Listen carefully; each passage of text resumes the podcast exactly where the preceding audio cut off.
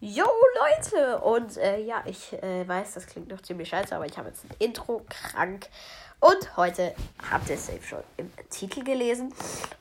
Wir machen, also wir haben heute schon ziemlich viele Folgen gemacht, also zwei, deshalb kann man nicht mehr heute sagen, aber auf jeden Fall geht es die Herkunft von Max. Bitte nicht nachmachen, weil das war ziemlich schwer, die, sich die Geschichte auszudenken.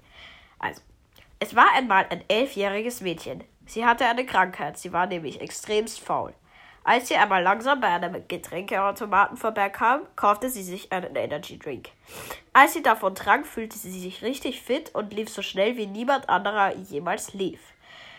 Am nächsten Tag, als sie von der Schule heimkam, sah Max wieder Energy Drinks und kaufte sich welche. In der ganzen Zeit, bis sie erwachsen wurde, trank sie sehr viele Energy Drinks. Mit 21 Jahren gründete sie ein Unternehmen und stellte Energy Drinks her. Das lief sehr gut, doch die Firma hatte zu viele Drinks. Drinks. Max nahm sich viele Getränke nach Hause. Nach einem Jahr hatte die Firma wieder Probleme. Sie hatten zu viele leere Dosen.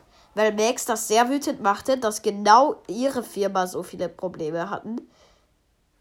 Max zerquetschte alle leeren Dosen, steckte sie ein und von da an warf sie in allen Spielmodi mit leeren Energy-Dosen um sich und lief so schnell, dass sie niemand einhalten konnte. Ja, sehr kurze Geschichte, aber ja, es war sehr schwer, sich das auszudenken.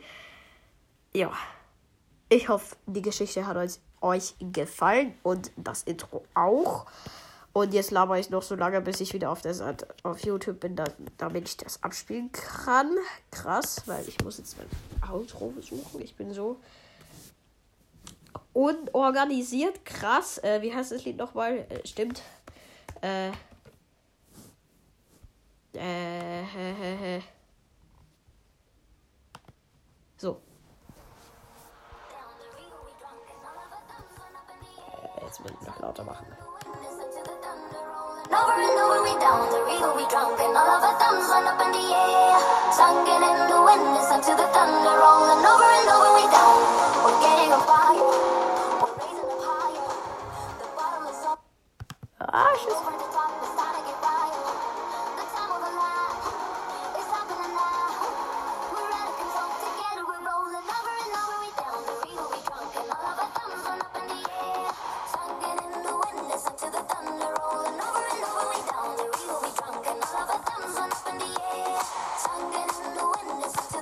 So, okay, das Outro ist jetzt schon viel zu lange. Ich weiß, es äh, klingt jetzt komisch, wenn ich das jetzt einfach abbreche, aber das war's dann eigentlich mit der Folge und ciao!